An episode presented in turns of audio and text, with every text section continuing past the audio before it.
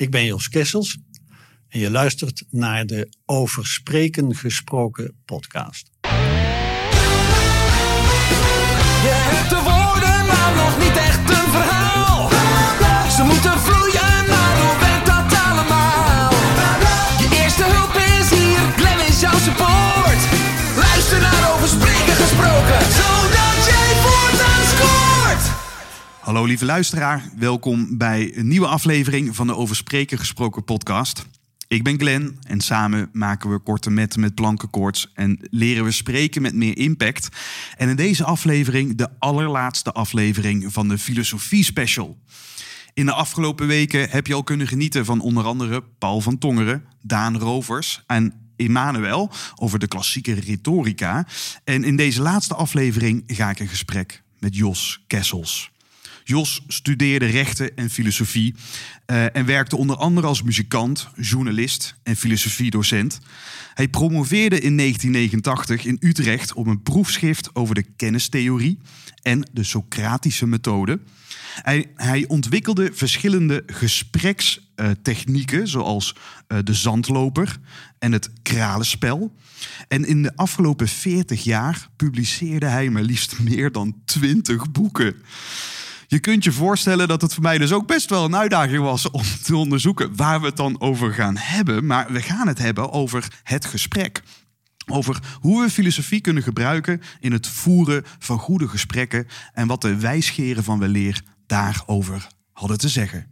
Luisteraar, ik wens je heel veel luisterplezier toe. De Over Spreken Gesproken podcast presenteert een filosofisch kwartet over de kunst van het goede leven. Via de retoriek naar de ethiek en weer terug. Jos, welkom in de uitzending. Dank je. Heel fijn dat je er bent.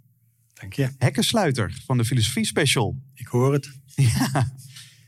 En, en we gaan het hebben over, eh, nou, over, over gespreksvoering en over wat filosofie daarmee te maken heeft.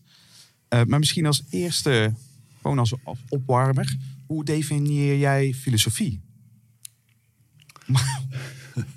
Om maar ergens te starten. Ja.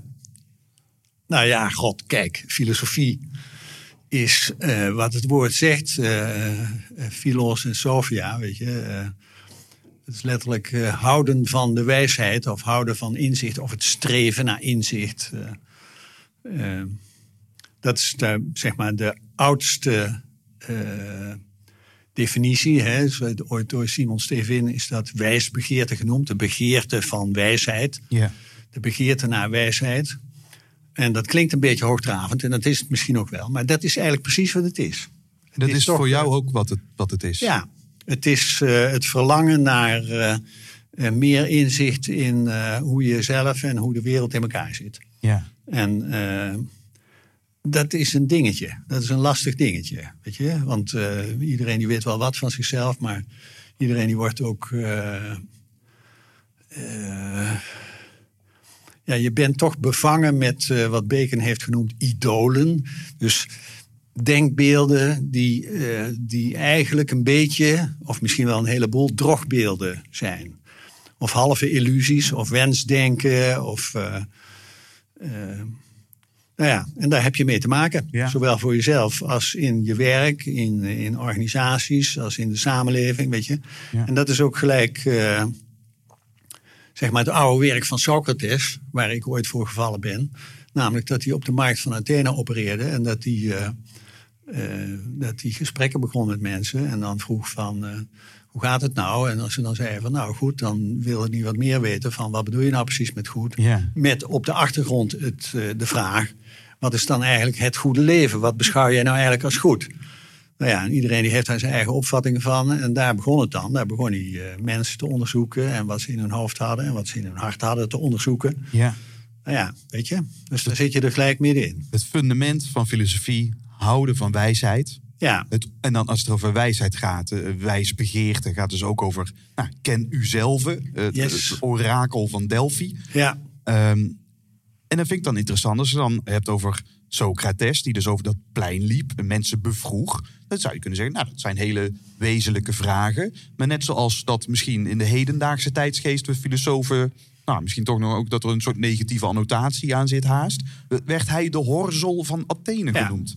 Ja, Wa- Waarom zijn die wezenlijke vragen, waarom vinden we dat dan Ja. irritant? die zijn lastig. Dus het is. eh, eh, kijk, bijvoorbeeld, vroeger in de training maakten we gebruik van een artikel dat heet eh, Why Professionals Don't Learn, Amerikaans artikel. Uh-huh. En het antwoord, het korte antwoord op de vraag why professionals don't learn, is dat professionals het idee hebben dat ze het eigenlijk al lang weten. Dus mensen willen liever het beeld hebben van ik weet wel hoe de wereld in elkaar zit, ik weet wel hoe ik zelf in elkaar zit. En als er dan iemand komt die, eh, eh, die legt er de vinger op dat je dat misschien nog wel niet precies weet. Of dat jouw weten misschien wel een klein beetje afwijkt van iemand anders weten. Dat die toch eigenlijk het beter weet. Dat is, eh, weet je wel, dat is pijnlijk. En eh, dat is ook gelijk een ding wat je, wat je als filosoof in de praktijk te overwinnen hebt. Omdat daar, zit natuurlijk een, daar kan een enorme winst in zitten. Eh, maar het, kan, het is ook, eh, je maakt jezelf kwetsbaar en het kan irritant zijn. Hè? Het is niet, niet voor niks dat ze Socrates de gifbeker hebben gegeven uiteindelijk. Ja. Dus ja, Ja, ze hebben dus uiteindelijk, eh, hij, hij stierf uiteindelijk, of heeft, heeft zichzelf eigenlijk van het leven moeten beroven. ja, hij is veroordeeld tot de gifbeker. Ja, En toen moest hij in de gevangenis die gifbeker drinken. Daar had hij ook geen moeite mee, want ja, hij was 72 en hij vond dat hij een goed leven had eh, geleid. Alleen zijn vrienden die, eh, die vonden het lastiger en die, eh, die begonnen te huilen. In de gevangenis heeft Socrates nog een geweldig gesprek gevoerd over, ook over muziek, hè, over harmonie, wat dat nou eigenlijk is. En, nou ja, dus Socrates die ging gewoon door. Socrates is zelf de, voortdurend in de weergave van Plato in ieder geval, de representatie van eh, wat het inhoudt om het goede leven, hè, de eudaimonia, te leiden. ja. Nou, daar gaan we, ik voel meteen tien vragen opkomen. en ik, ik, ik, ga, ik ga nog een stapje terug. Ja. Eh, want jij zegt dus, het niet weten doet ergens een beetje pijn. Ja, En dat maakt dat we als mens eigenlijk geneigd zijn om ons vast te houden aan zekerheden. ja, Ook als we eigenlijk niet echt zeker weten yes. eh, of dat klopt. Is dat ook wat je bedoelde in het begin? Dat we, dat we ons vastklampen aan idolen? Of dat we ons. Dat we, wat, wat, Ja. wat bedoelde je daarmee? Nou, Bacon die heeft daar een hele leer over opgesteld. In de, wat is dat, in de 15e eeuw geloof ik, 16e eeuw. Ehm, je, je maakt gewoon... eh, eh, je, je zit vol met fouten. Er zitten allerlei taalfouten in. Hè? Je hebt de neiging om... eh, ehm, om bijvoorbeeld krachten toe te schrijven aan woorden. Eh, je hebt eh, de neiging om als je jong bent bepaalde dingen anders te zien dan als je oud bent. Als je een cholerisch temperament hebt, dan zit je er heel anders in dan wanneer je een melancholisch eh, temperament hebt. Dat is gewoon eigen aan de menselijke opbouw. Eh, dus iedereen die zit nou eenmaal vol met een, een, ja, toch allerlei soorten illusies. En dat is voor je zelfbeeld en voor je zelfvertrouwen is dat misschien ook wel van belang. Dus daar zit wel een psychologisch belang bij. Ja. Maar als je nou met, met elkaar eh, het eens wilt worden sorry, over een, een visie of een idee voor jezelf of voor je organisatie, ja, dan is het toch handiger om dichter bij de waarheid eh, te zitten. En dat is lastig. ja. En het veronderstelt ook dat er, dat er een waarheid is. Yes, ja. Ja. Ja. Nou, en daar kan je gelijk allerlei metafysische discussies over voeren. maar maar eh, er zijn, in ieder geval zijn er gradaties van waarheid. Oké.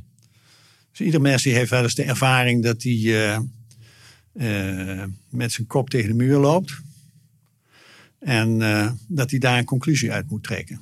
Ja. Of dat je, weet je, je hebt wel eens ervaringen dat je als het ware volwassen wordt. Of dat je een grotere jas aan moet trekken. Dat zijn andere niveaus eh, van waarheid. En als je een Socratisch gesprek op een goede manier voert, dan kom je daar ook bij terecht. Dan moet je jezelf onder ogen zien. Ja. En daar, daar, daar heb jij je nou, op, op bestudeerd. Daar, daar, ben- maar dan ben je dus ook zelf verliefd. Ik weet niet of verliefd zijn het goede woord is. Maar er is een affiniteit die jij ontdekte. Ja, Eh, en, en, en misschien eh, en voel je vrij om, want we hebben de tijd, om, om even op de collegestoel te gaan zitten. Maar ik ben eigenlijk, de vraag is tweedelig. Eén, misschien is het fijn om gewoon, dat deden we net al. En dan voel je dus vrij om iets te vertellen over die man, Socrates. Wie, wie was dat? Ja. Voor mensen die nog nooit van hem hebben gehoord of louter de naam. En misschien dan de tweede kant van die vraag is: wat fascineerde jou zo toen je voor het eerst in aanraking kwam met zijn Ja. gedachtes? Ja. Eh, nou, eerst die eerste vraag. Wat was Socrates voor een man? Ehm, het beeld is altijd... Hij was lelijk. Hij had een grote neus en eh, hij was dik. En, eh, en hij was vreemd. Weet je?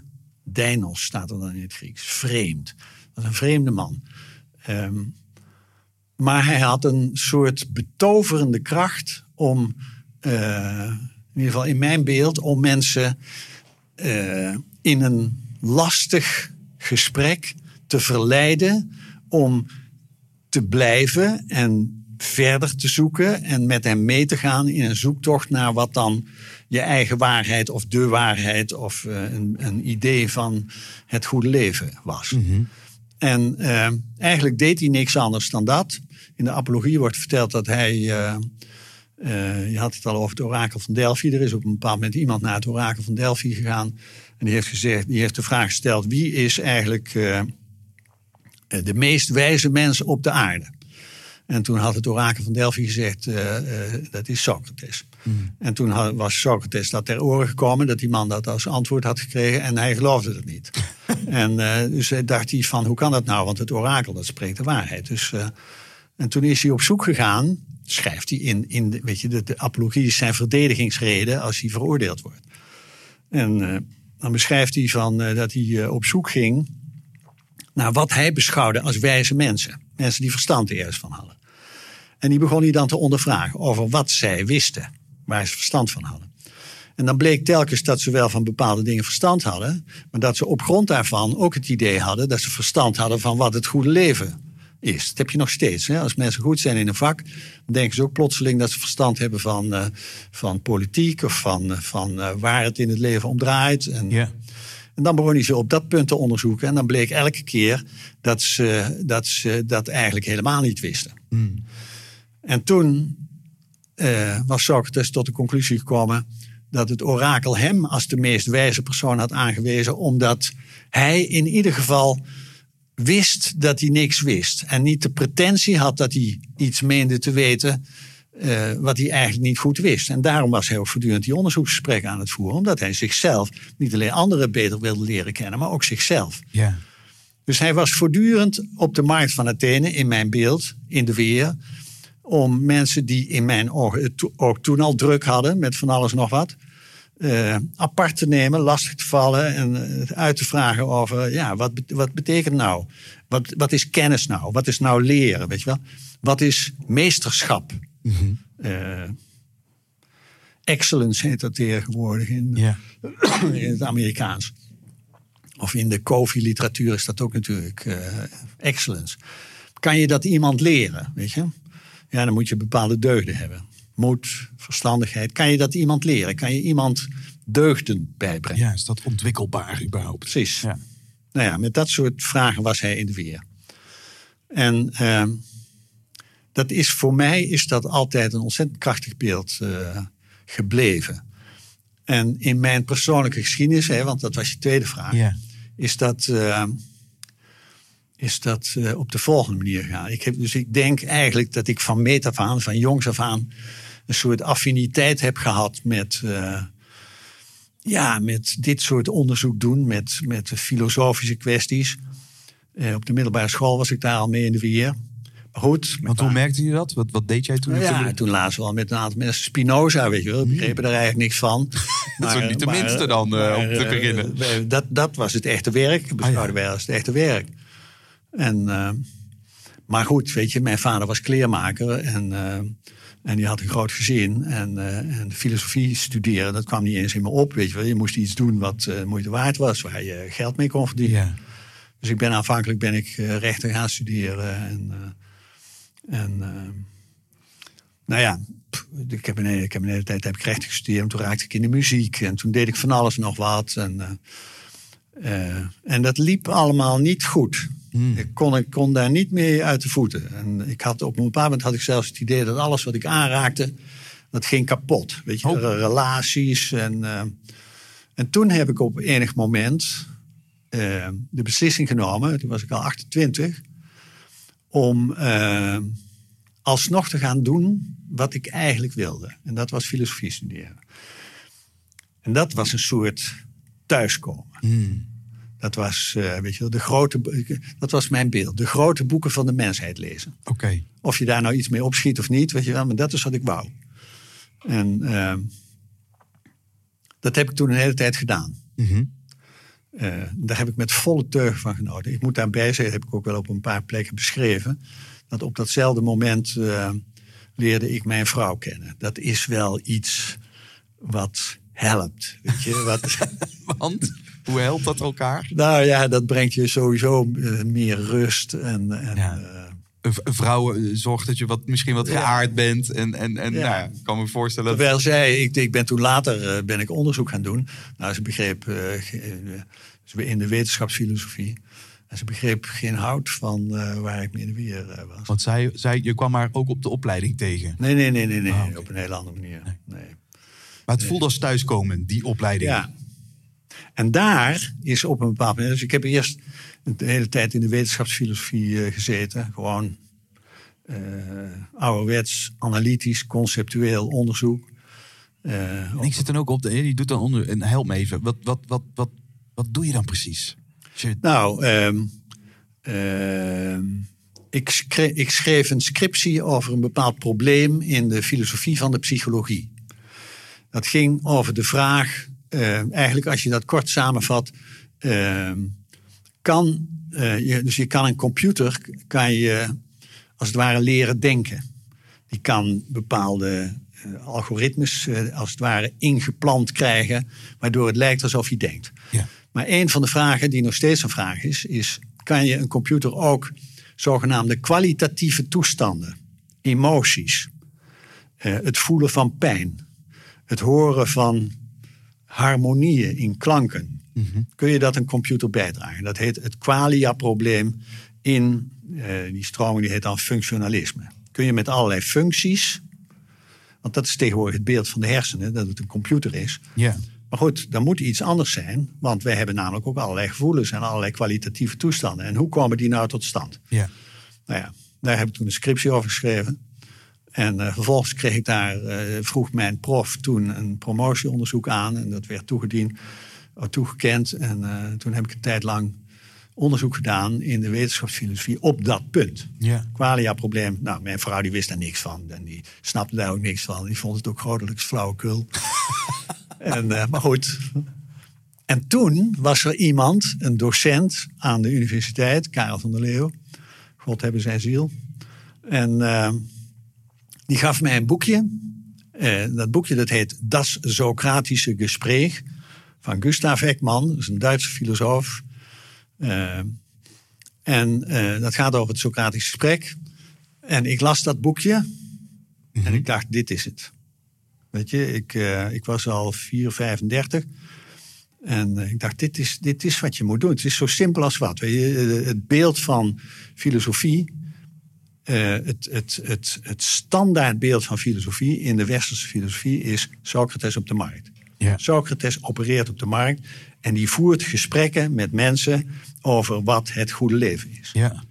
En eh, dat, is, dat heeft altijd een enorme indruk gemaakt in de, eh, op allerlei mensen, nog steeds, de hele geschiedenis door. Maar het heeft heel weinig navolging gevonden. Want er zijn weinig mensen die, eh, die het aandurven. Eh, het is ook, je, je raakt onmiddellijk in ingewikkelde kwesties terecht. Niemand durft het aan om die gesprekken van Socrates als het ware na te doen, zoals Plato ze beschreven heeft. Want niemand heeft dat niveau. Totdat er in eh, het begin van de 20e eeuw een man was. Dat was de leermeester van Heckman. Die heet Leonard Nelson, dat was een, filosoof, filosofieprofessor in Göttingen. En die was niet alleen eh, een gedegen filosoof. Hij heeft zoveel verzameld werk geschreven. Een neo-Kantiaan, voor de insiders. Maar dat was ook een heel praktisch man. Eh, die heeft daarnaast ook een school opgezet. Eh, die heeft een politieke partij is hij gestart. Die later is opgegaan in de Socialistenpartij. Oké. En hij heeft een instituut. In Duitsland, hè? In Duitsland, Ja, ja. En hij heeft een instituut gestart, dat heet de Filosofisch-Politische Academie. Die bestaat nog steeds. Daar heb ik oorspronkelijk het vak geleerd. Daar voeren ze Socratische gesprekken van een week. Dan zit je een week in een gesprek. En die gesprekken die waren eigenlijk bedoeld als een soort leiderschapstraining, kadertraining voor die, voor die politieke partij. Eh, en daar is het klassieke uitgangspunt dat als je de politiek in wil, of je wil iets zinnigs doen in de samenleving, dan moet je een voldoende beeld hebben van wat voor jouzelf het goede leven is en voor andere mensen. Ja. Dat is de klassieke Platoonse eh, opleiding, zeg maar, die, die, die Plato in de Politeia uiteenzet. Ja. Nou ja, ik las dat boek en ik dacht, dit moet je doen. En toen had ik, eh, eh, toen ben ik geswitcht, kon ik switchen toevallig, van onderzoek in wetenschapsfilosofie naar een onderzoek in, eigenlijk in Socratische methode, didactiek van filosofie heette dat toen. Oké. En eh, daar heb ik toen een onderzoek aan gewijd. En toen dacht ik natuurlijk van, eh, ja, ik bedoel, dat, eh, dat kan je wel voor het onderwijs doen. En dat kan je op de school doen. En dat moet ook, weet je wel. Het is, het is een hele zinnige onderwijsmethode. Maar eigenlijk moet je dat doen met mensen die de verantwoordelijkheid hebben om een filosofie te hebben, om ideeën te hebben over waar het met hun en met de samenleving naartoe moet. Ja. Dus je moet mensen op kunnen opleiden. Nou ja, en toen is het begonnen. Toen ik dacht, ik moet zelf de markt op. Ik moet eigenlijk uit de universiteit op de markt.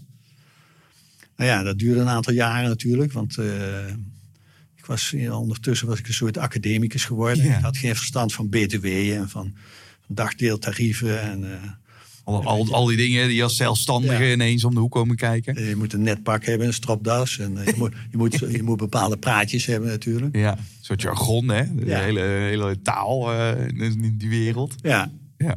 En toen, na een jaar of drie, toen had ik beet. Toen heb ik. eh, toen kreeg ik een hele grote klant, namelijk de Rabobank. Dat was toen nog onder leiding van eh Wijfels en van Dinten. Ik weet niet of je, of je dat iets zegt. Maar, en die, die eh, Rabobank die moest een hele soort educatieve inhaalslag maken. Het waren allemaal kleine bankjes, die waren allemaal met fusieprocessen in de weer. Daar moest een interne opleiding komen voor bankdirecteuren. Hebben ze een MBA gemaakt, eerst op Nijrode en later ook in eh, Rotterdam. En zij wilden dat daar filosofie een rol in speelt. Toen hebben ze mij ingehuurd. Oké. En toen heb ik jarenlang eh, wekelijks Socratische gesprekken gevoerd met bankdirecteuren. Over eh, de maatschappelijke verantwoordelijkheid van de bank. Over integriteit. Over ook eh, hele praktische zaken zoals... eh, wanneer hou je nou op met krediet verlenen? Weet je? Ah ja. Geweldig. Geweldige gesprekken waren dat. Van Heerenveen naar eh, Nederweert, weet je. En van, Echt de hele, het hele land door. Ik was een soort filosofische handelsreiziger. En Ja. dan reed ik daar toe. Troubadour. En dan, en dan hadden we diner pensant, heette dat dan. Dus die mensen Oh ja. kwamen dan om vijf uur bij elkaar, drinken een borreltje. En dan wordt er gesproken en gegeten. En om half negen, negen uur is het weer klaar. En die gesprekken die werden heel nauwkeurig van een verslag eh, voorzien. Het was een enorme leerschool eh, voor mij. Ook voor jou. Ja, En wat, wat maakt het voor jou nou ja, zo? kijk, je kan wel in theorie uitzoeken hoe die Socratische methode werkt. Maar je moet het, het lef hebben en, en, eh, en ook de praktijkervaring om dat met dat soort mensen te doen. Ja. En De, de- ja. er zijn natuurlijk toch allemaal mensen die zijn heel goed van de tongriem gesneden. Eh, dat, is, dat moet je als je op een managementpositie in zo'n bank eh, terechtkomt. En tegelijkertijd is dat ook een enorme valkuil. Ze kunnen daar van alles nog wat mee verhullen. En, en, en, en onder de mantel der liefde, of god mag weten wat voor mantel, eh bedekken. Weet je? Ja. Dus goed kunnen spreken, ze ze heeft een soort polariteit in zich, of een paradoxaliteit. Ja. Dat maakt het beter om te communiceren. Maar tegelijkertijd kunnen we dan veel makkelijker nuanceren. En dan kan natuurlijk de mogelijke rookbommetjes opgooien middels taal. Ja. Nou, wat wat, zegt dat nu, hè? Die, die mooi klinkende zin? Ja, Ja. ja, en dat was dus voor jou de, eigenlijk de brug van theorie naar praktijk. ja, Oké, nu gaan we die Socratische methode echt toepassen. Ja. We voeren het gesprek nu. Ja. En dan ook nog eens met mensen die hier en daar misschien wat gekwiekst waren om gewoon je Ja. zo wat draaibewegingen maken en kijken Ja. of ik die kessels eens om de tuin kan leiden. precies. Ja, dat is onderdeel van het spel. Ja, Ja. En bijzonder. ik vond het geweldig. Ik, vond, ik heb daar echt met volle teug van genoten. En nog hoor, als ik zulke gesprekken voer. Want, eh, nou ja, en daar hebben we dus ook, ik, heb, ik had een aantal collega's, we hebben toen een bedrijfje opgericht. Eh, daar heb ik ook allerlei boeken ontwikkeld samen met hun. Met eh, wat nou de, de grondslagen daarvan zijn. En dat was voor ons ook uitzoekwerk. Want Nelson en Hekman die hadden wel het een en ander gedaan. Maar in Duitsland wordt het eigenlijk nergens toegepast in eh, organisaties. Oké. Eh, eh, dat is speciaal voor, voor Nederland. Wij gingen met een, een flink aantal mensen de markt op. En we proberen het in die bedrijven en in die organisaties te krijgen. Ja. En dan moet je bepaalde taal ontwikkelen. Je moet bepaalde technieken ontwikkelen. Je moet bepaalde manieren van doen ontwikkelen. Om dat gesprek handen en voeten te geven. En om te laten zien hoe belangrijk dat is in een Ja. organisatie. Ja. Nou ja, dat hebben we daar. eh, Ja, en dat vond ik ook, ja, dat, dat is misschien ook alweer hoe, hoe, hoezeer ik in die hoek zit. Dat, dat ik las eh, hè, dat jij acroniemen maakt bijvoorbeeld. Of dus nadenkt in, in, in modellen. Eh, ik noemde in, het, in de inleiding al een aantal ja, gespreksvormen Ja. en spelvormen die je hebt ontwikkeld. Ja, en dat, dat is, als je wilt experimenteren, is het gewoon fijn om te beginnen met een recept. Ja. Totdat je het recept niet meer nodig hebt. En dan, kunnen Ja. we, dan, dan, dan komt het echte vingerspitsgevoel, zou je kunnen zeggen. Ja. Maar, dat, maar we moeten ergens een kader hebben. Ja. Want anders schieten we alle kanten op. ja, Eh, en het, dus dat, dat sprak me ook heel erg aan in jouw werk. Dat, dat, dat, dat, dat, dat, dat behapbare, ondanks dat het af en toe ook weer heel eh, ingewikkelde materie is. Ik merk ook, kijk, we hebben hier toevallig Socrates maakt muziek voor ons liggen. Dat is heel uitvoerig. Het is niet, heel, niet, niet, een, niet een klein boekje, lees het even. Nee, dat, dat, je pakt de kant komt voorbij en heel veel Ja, andere ja, denkers ja, komen er ook, ook voorbij. Dus absoluut niet alleen Socrates. Maar het vind dus wel interessant, even weer resume wat je net zei. Eigenlijk als het gaat over de Socratische methode, was eerst didactiek vooral. Schoolonderwijs, manier om het gesprek op school te voeren. Jij zei dat mag het bedrijfsleven in.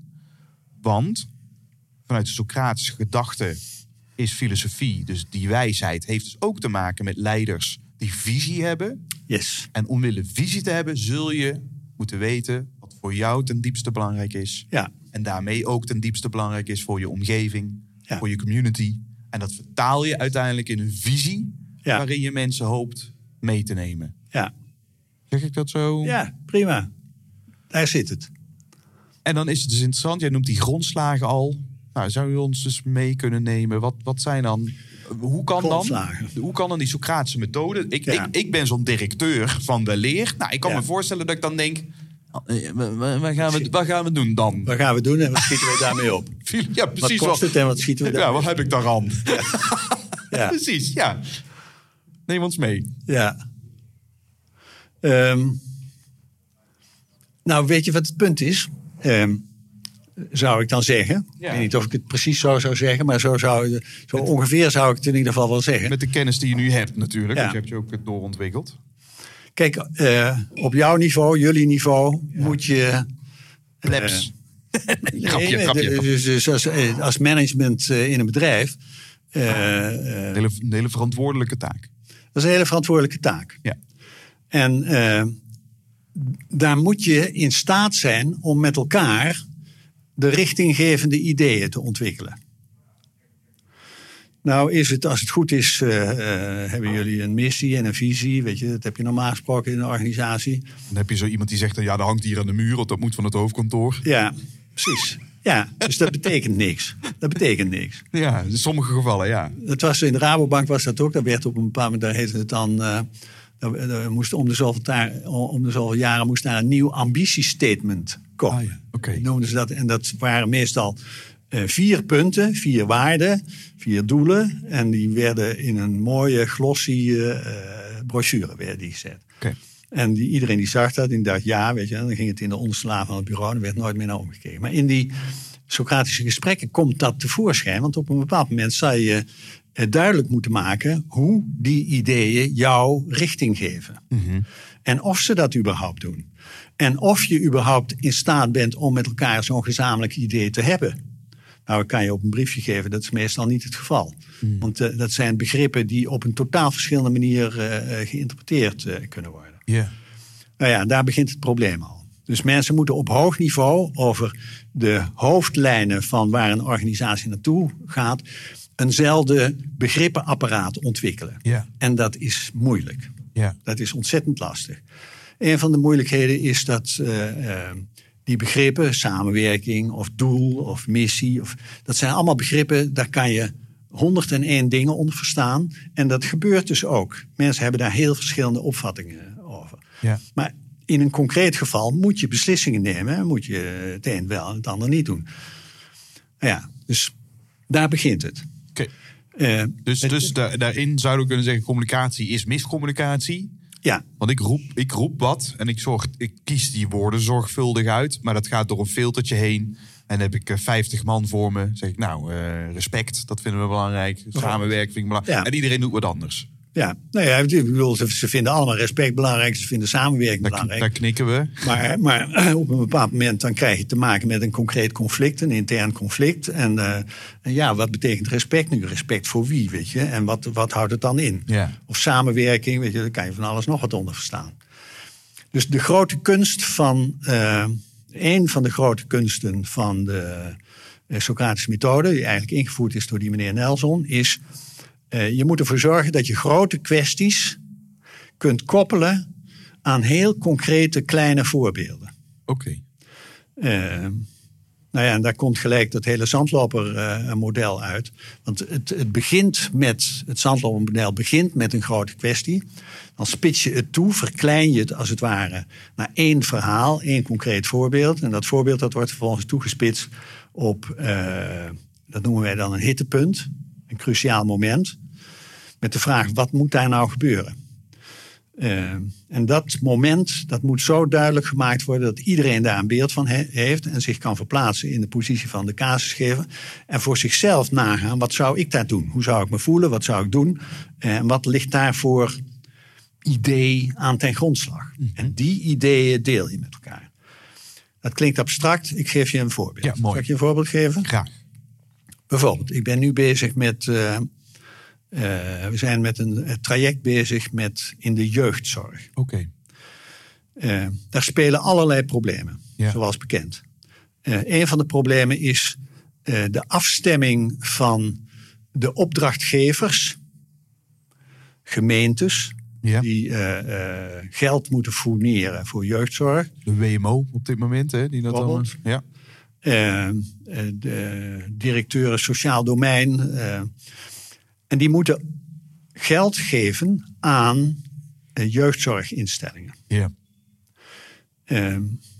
Dat loopt vaak mis.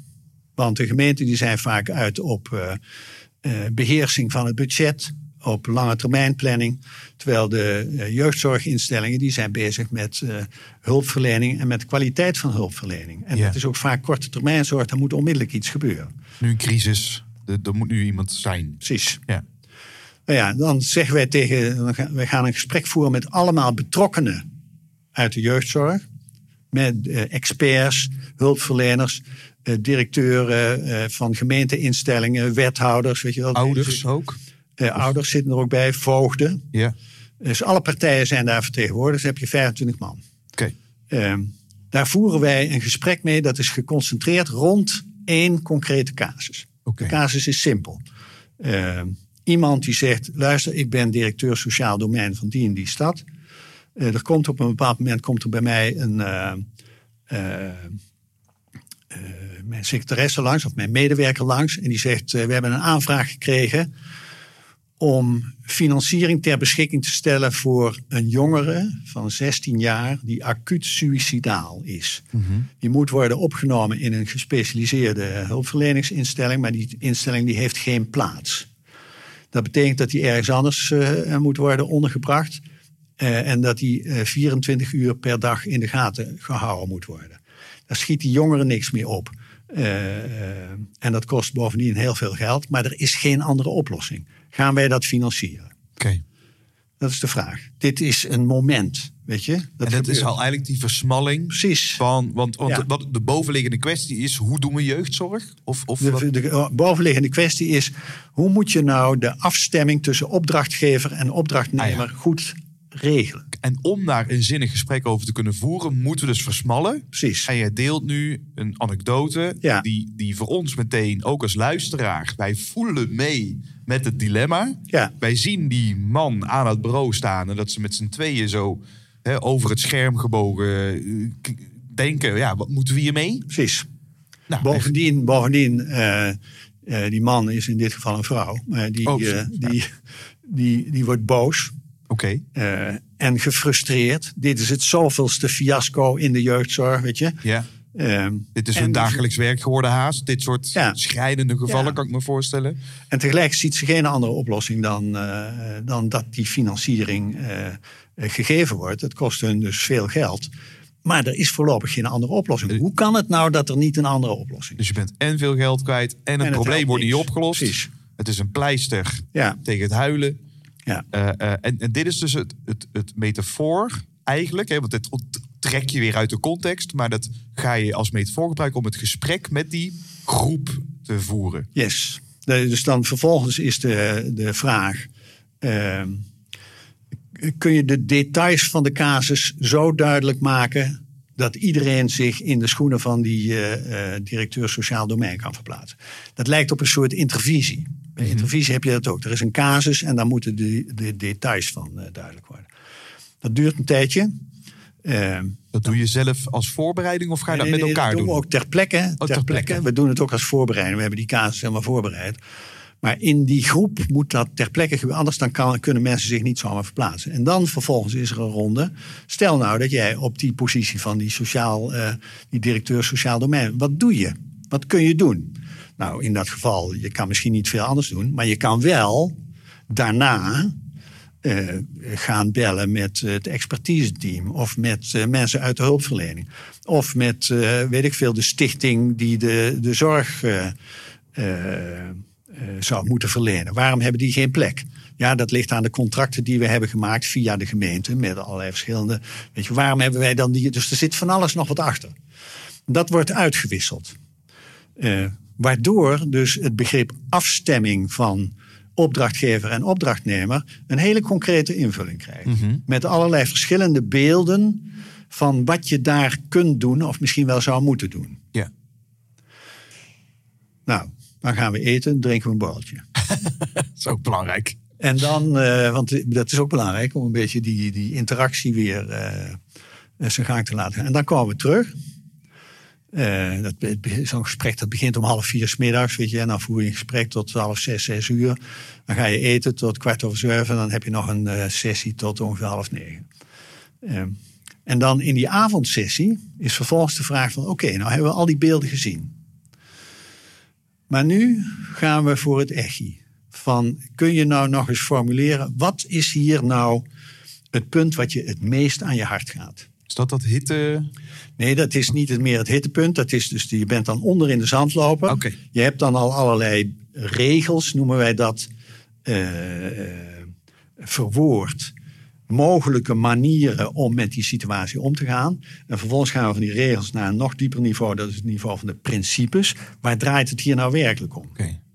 En die principes, die bepaal je niet met je hoofd, zegt, eh, zeggen wij dan altijd, maar met je hart. Dus de vraag is, wat gaat je hier nou het meeste aan je hart? Ja. Nou ja, weet je, dat zijn schrijnende gevallen. Dus er er zat de voogd van, dat, van die jongen, dus een 16-jarige jongen, die had op zijn 16e had hij al in 21 of in 23 instellingen gezeten. Ja. De voogd van die jongen, die ook al 16 jaar de voogd van die jongen was, die zat er eh, bij. Die was niet bij het begin van het gesprek, maar later kwam die er wel bij.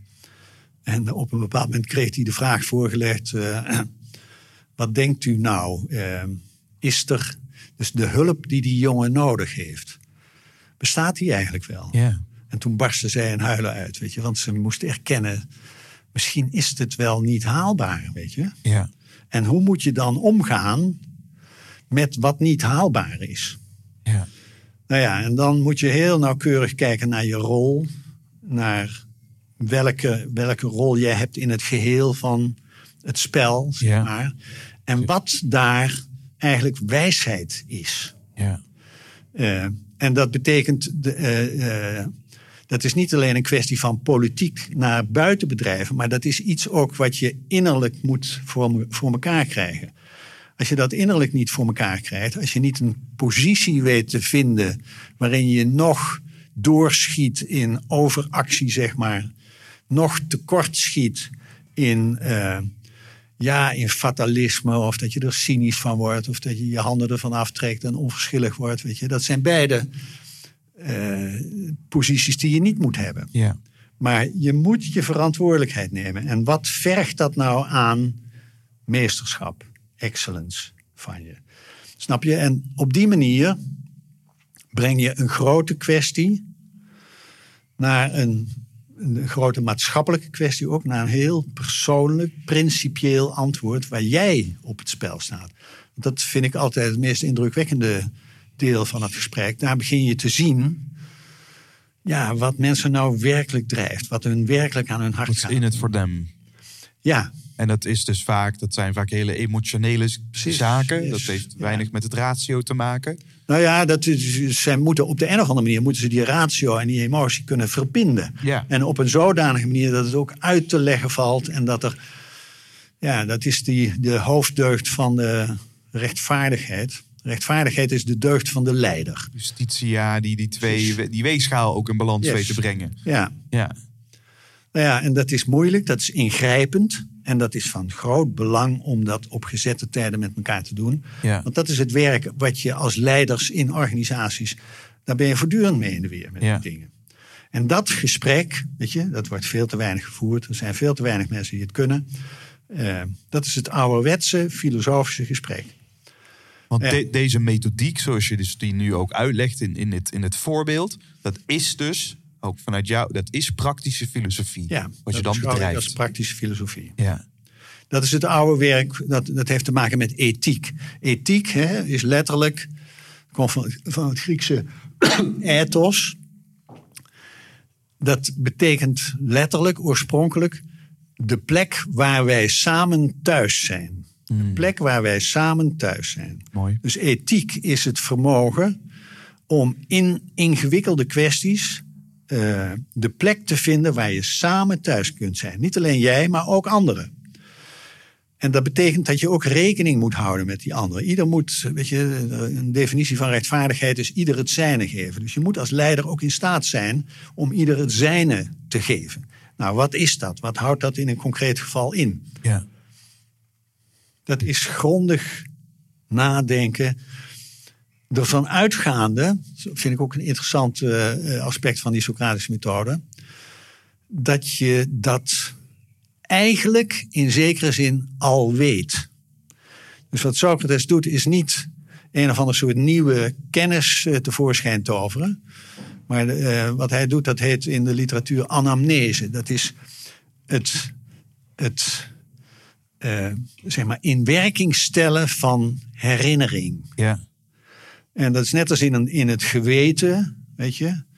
Je weet dingen die deugen en die niet deugen, zonder dat je precies kunt uitdrukken wat dat We nou hebben, precies we hebben is. gewoon als mensen zo'n kompas Precies, ergens zitten. ja. Hè? Ja, dat we Ja. van diep van binnen allemaal een Ja. geweten hebben. Ja. Ervan uitgaande dat we psychisch een beetje in orde zijn. Maar, maar in 97, 98 procent van het gevallen heeft een psychiater mij ooit verteld. Is dat zo? Heeft men een werkend geweten? Precies. En hebben dus kunnen we dingen wegen. Ja, ja.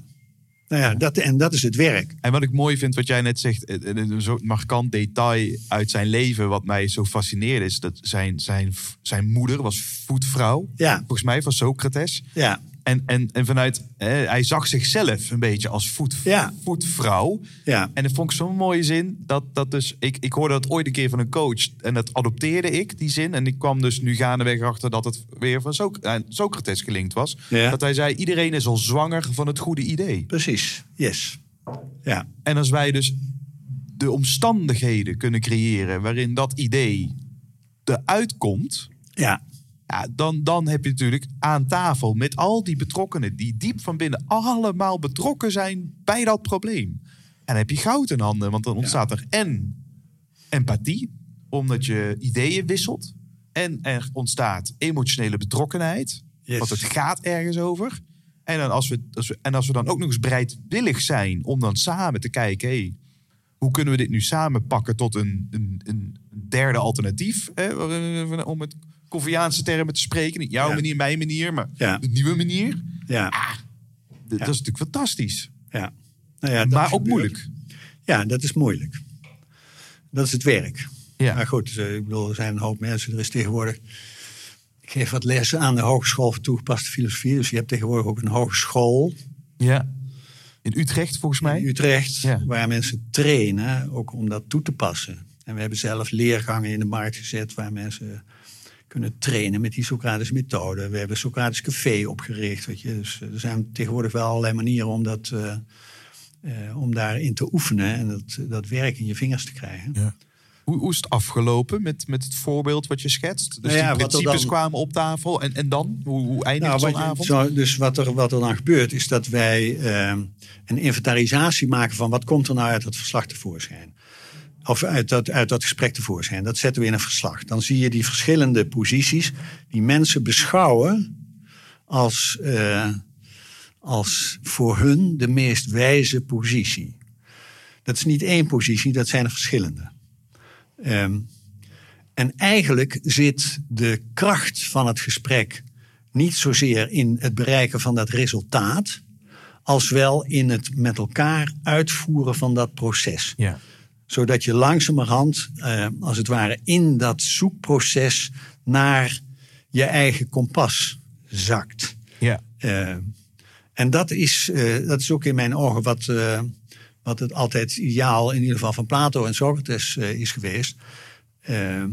Dat je, dat je, zeg maar, om leiderschap te trainen, maar ook om te voorkomen dat een organisatie bijvoorbeeld een verwaarloosde organisatie wordt. Daarvoor moet je manieren vinden om inspiratie aan te boren. En dat is eigenlijk het belangrijkste wat hier gebeurt. Eh, dus wat je doet met elkaar is een kwestie op een zodanige manier analyseren dat je ieders eh, kompas probeert te vinden. En daarmee ieders oorspronkelijke motivatie eh, aanboort.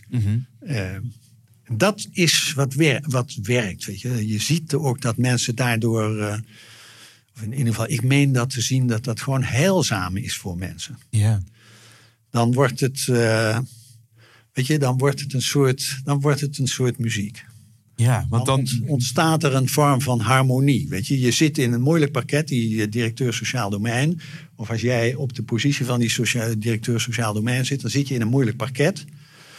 En hoe kan je nou toch, ondanks de moeilijkheden, daar muziek van maken? Dat is nou net het punt. En dat zit hem daarin. Dat je die verschillende stemmen op een zodanige manier weet te verbinden, dat er desondanks een welluidende klank uitvoert. Dat is ook voortdurend voor Socrates de, de metafoor. Filosofie is de hoogste muziek. Dat staat ook in Socrates. Ja. Socrates maakt muziek.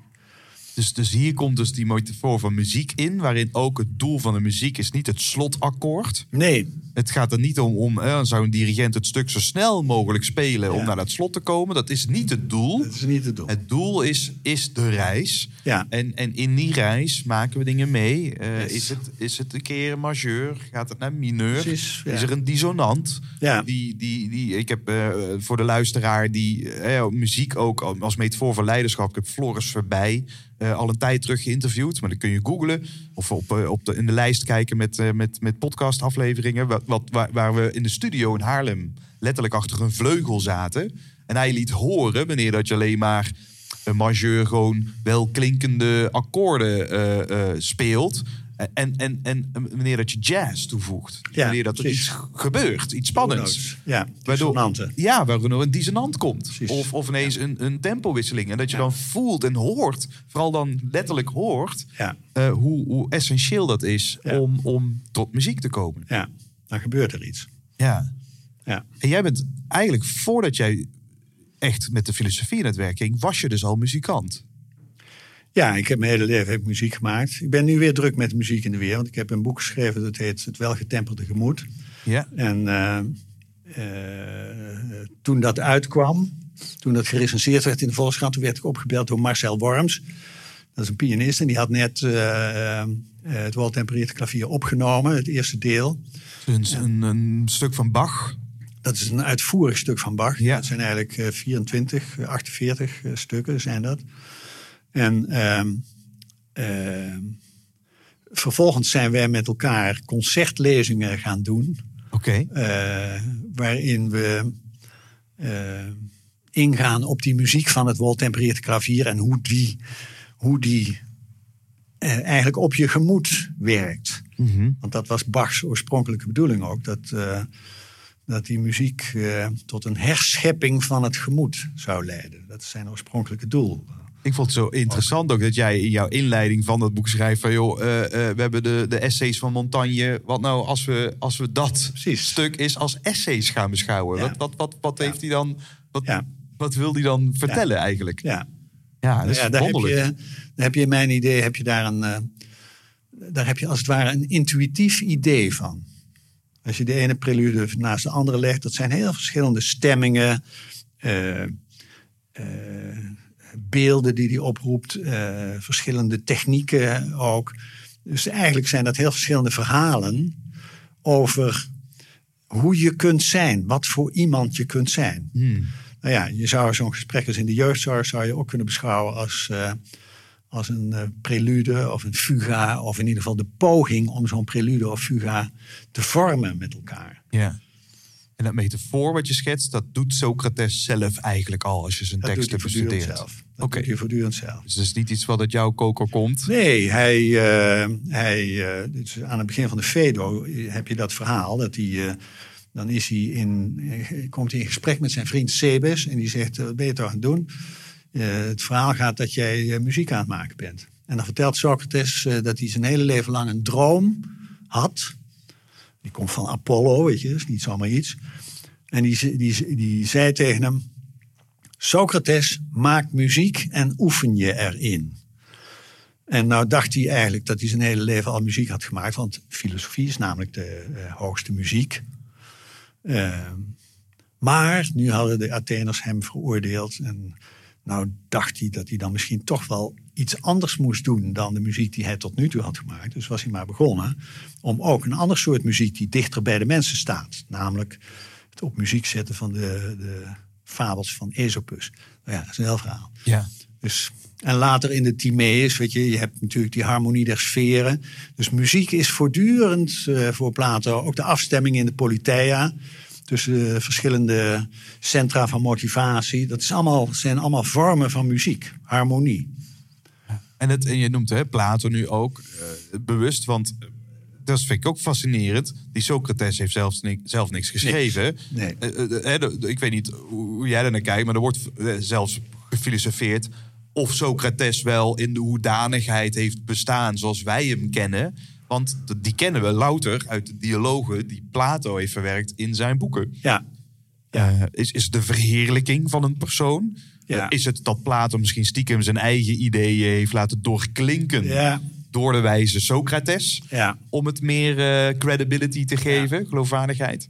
Eh, eh, Ja, dat is een hele discussie natuurlijk. Kijk, dat Socrates heeft bestaan, dat is wel duidelijk, want er zijn voldoende bronnen van Aristophanes en Xenophon en allerlei mensen die over Socrates geschreven hebben. Maar natuurlijk is het zo dat Plato die heeft een specifieke eh, interpretatie gegeven van eh, Socrates, die, die vele malen beter is en meer aanspreekt dan eh, Xenophon bijvoorbeeld. Ehm, dus ja, waar heb je het over als je het over Socrates hebt? Je hebt het altijd over een soort mengeling van Socrates en Plato. In het begin is het misschien meer Socrates, de manier waarop hij. eh, eh, die, waarop Plato die gesprekken heeft opgetekend. En later is het misschien, misschien meer Plato. Maar die zitten zo in elkaar verweven, dat kan je ook nooit uit elkaar halen. nee. En Dat hoeft eigenlijk ook niet, weet je, want hij heeft daarmee een beeld geschapen van iets wat in de praktijk van belang is om te doen. Dat is nou net het ja, ja. ja, en misschien ook irrelevant voor de luisteraar. Eh, althans, ik vond het gewoon fijn dat in de volgordelijkheid... je had Socrates die, die, de- en een Plato laafde zich aan Socrates. Ja. Eh, eh, daarna kreeg je Plato en, en Aristoteles was weer de leerling van Plato. Ja. En zo heb je eigenlijk die grote drie... Ja. die eigenlijk respectievelijk in een hele korte periode langs elkaar hebben geleefd. Ja. En dat is heel bijzonder. Dat als Ja. we kijken naar de eeuwen en millennia's nu die voltrokken hebben, spreken we nu ook in deze special gaat het heel veel over, nou, nu in dit geval Socrates, maar ook Aristoteles uitvoerig besproken in twee Ja. afleveringen. Dat het, ik vind het zo onvoorstelbaar Ja. dat drie mensen Ja, die in anderhalve eeuw langs elkaar hebben geleefd, ja, dat, dat, dat die zoveel impact hebben gemaakt eh, op hoe we denken en, en handelen. dat is ongekend, hè? Onvoorstelbaar. Ja, Ja. grondleggers van de westerse cultuur. Tja. Ja, En dat maakte ook zelf dat ik, dat ik dus ook, ja, dat, dat ook al ontstijgt me een hoop.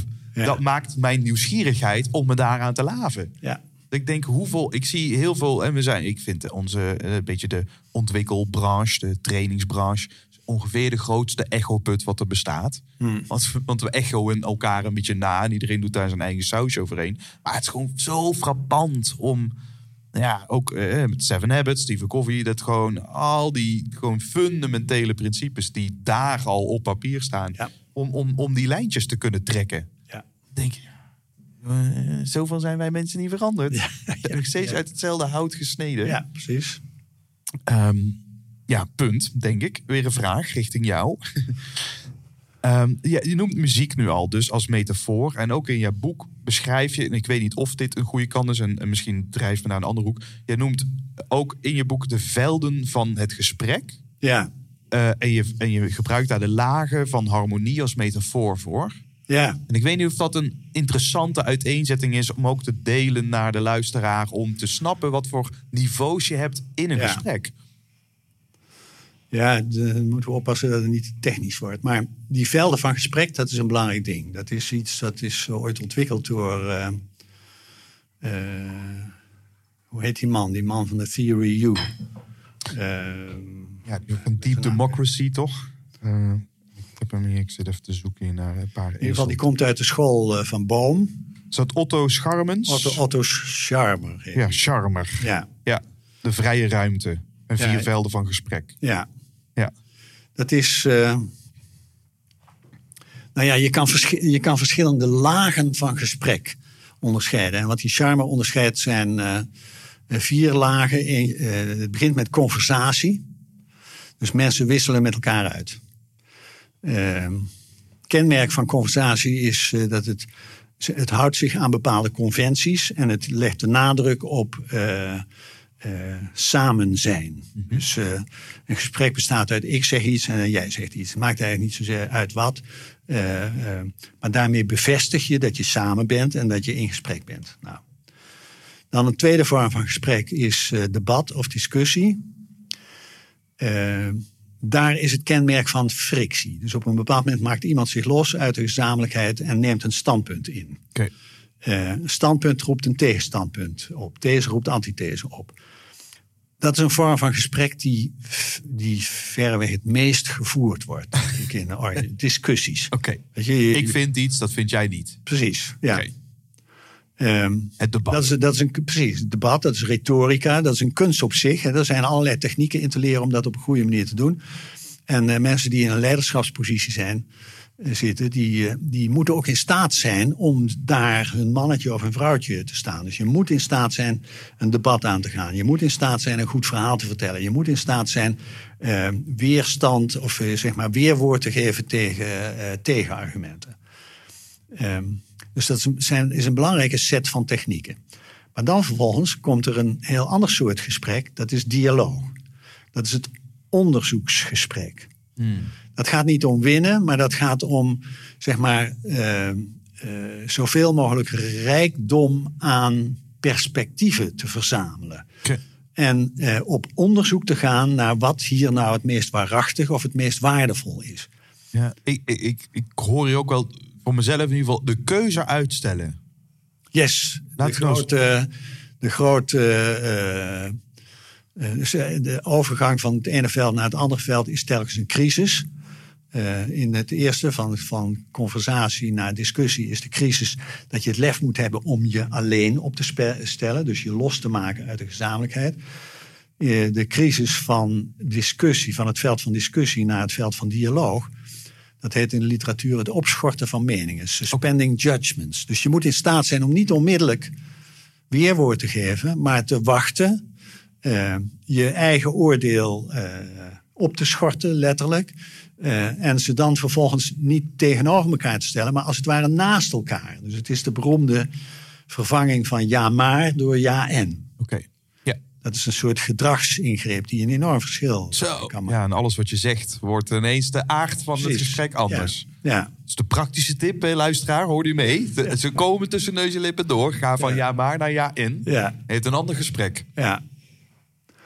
En dan heb je nog een overgang van eh, het veld van dialoog naar het veld van, eh, dat noemt, eh Sharma noemt dat flow.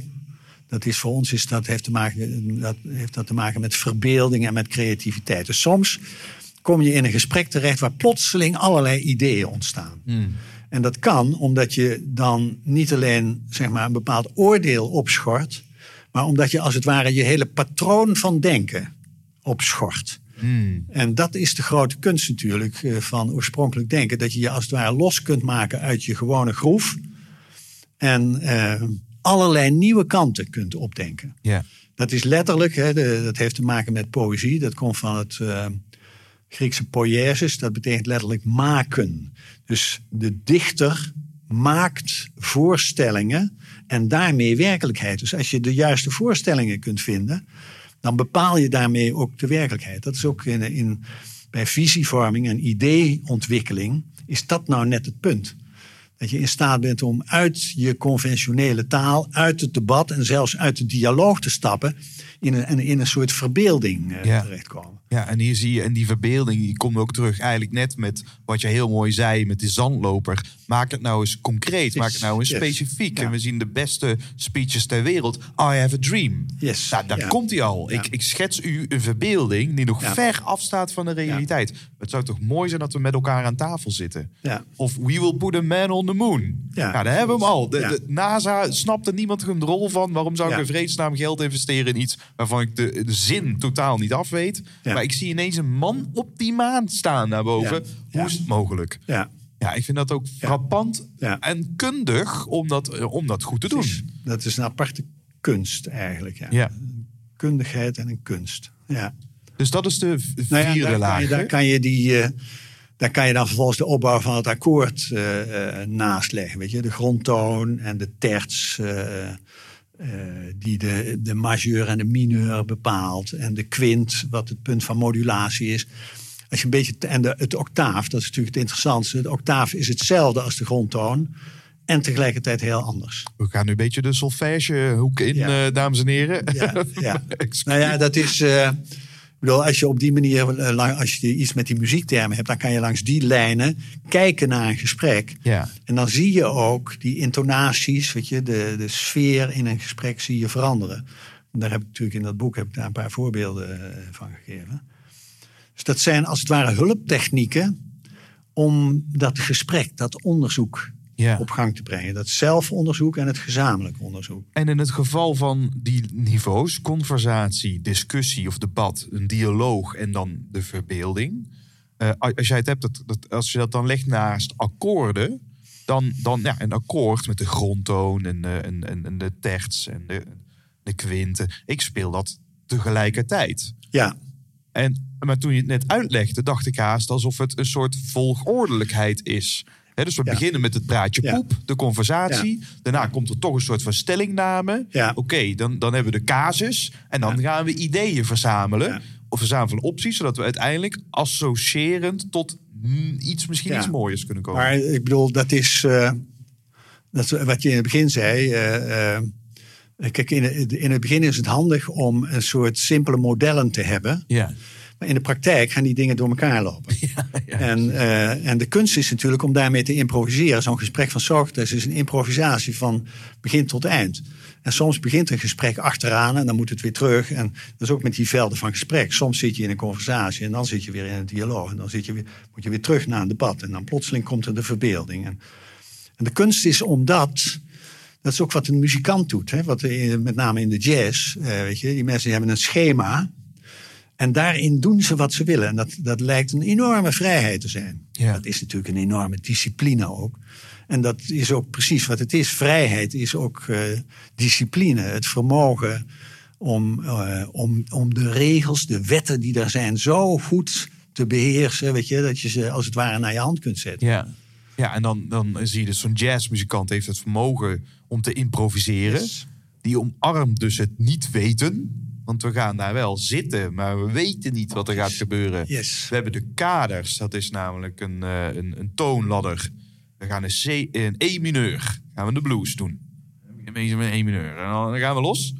Alleen, ik sprak daar een jazzmuzikant over die zei... Glenn, dit lukt alleen als je instrument zo meester bent... Precies, ja. dat je het eigenlijk niet meer hoeft na te denken over... oh, die toets, Ja. waar zit die toets? En, eh, oh, want je moet je over kunnen geven aan het ritme...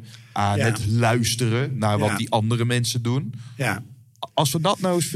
Ik weet niet of je al, al inbreken. Nee, nee, nee. Als we dat nou vertalen dan naar die leider, naar die manager, naar die trainer, die coach. Wat, wat, wat is dan zijn of haar instrument, wat die meester moet zijn, voordat je überhaupt tot die improvisatie kunt komen? Ja. ja. Kijk, nu schiet mij het volgende in, in het hoofd. In, eh, ehm, in de eh, klassieke kennisleer, die overigens ook nog steeds eh, onderzocht wordt en steeds geldig is, worden drie soorten kennis onderscheiden. Dus wat voor kennis moet een leider hebben? Nou, eh, e- de eerste soort is wetenschappelijke kennis. Dus vaak zijn dat hoogopgeleide mensen. Die verstand hebben van economie en ook van psychologie en ook van bedrijfskunde en ook van eh, marketing en van noem de hele, hele boel maar op. Ehm, maar daarnaast heb je andere vormen van kennis nodig. En ehm, in de klassieke kennisleer worden twee andere soorten kennis eh, onderscheiden die hier van groot belang zijn. Dat is namelijk vakmanschap en meesterschap. Vakmanschap is techne in het Grieks en meesterschap is phronesis. Ehm, vakmanschap heeft te maken met beheersing. Dus je moet, je moet eh, zeg maar praktijkervaring hebben. Je moet veel expertises hebben. Je moet veel trucs weten. Je moet in veel situaties geweest zijn. Eh, je moet eh, plezier hebben in het eh, problemen oplossen. Allemaal van dat soort dingen. Oké. Ehm, dat, is, dat is een belangrijk eh, eh, kennis voor iemand in een management of een leiderschapspositie. Maar daarnaast is er nog een heel ander soort kennis. En dat heet dan meesterschap of phronesis. En die heeft in zekere zin te maken met het omgekeerde. Namelijk eh, dat je ook het vermogen hebt om eh, los te laten. Om met je mond vol tanden te staan. Om het antwoord niet te weten. Om vragen te stellen in plaats van antwoorden te weten. Om niet alleen maar met belangen in de weer te zijn, maar als het ware boven belangen te kunnen uitstijgen. Ehm, dat is een heel ander soort kennis. Die heeft te maken met losheid en vrijheid en oorspronkelijkheid en onverkrampt zijn. Ehm, nou ja, dat zijn.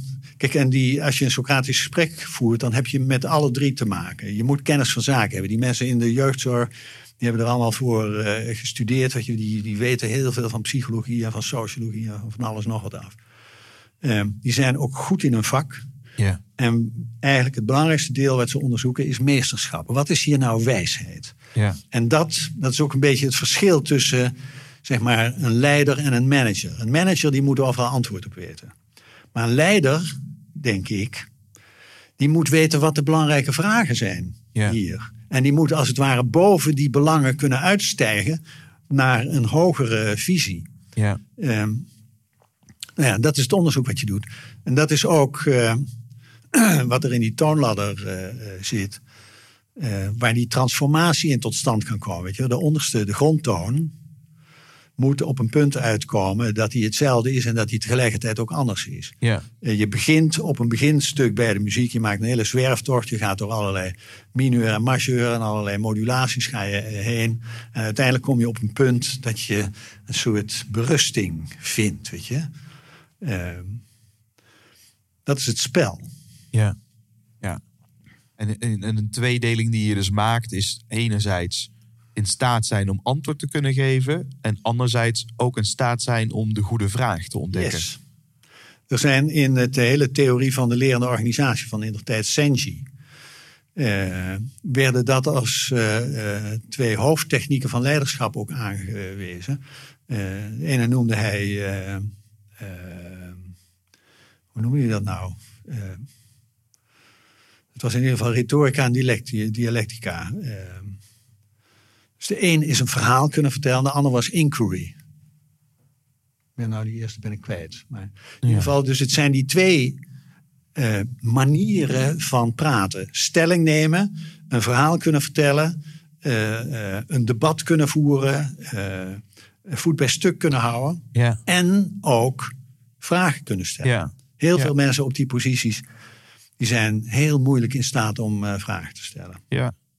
Ja, en dat is zonde natuurlijk. Eh, en dat, ik voel iedere keer een soort vraag, een soort waarom-vraag. Maar dat ik ook wel zo, ook wel zo, ja, een soort hypothetisch meta wordt het dan. Gaan we dan maar hebben over hoe dat dan komt. Dat, dat, dat zeg maar de belangrijkste taak die je hebt, namelijk de emotionele eh, lading op gesprekken. En dat, dan, en dat managers dat nooit geleerd krijgen. Want managers beginnen vaak niet in een managementrol, maar die waren gewoon verrektes goed in een vak.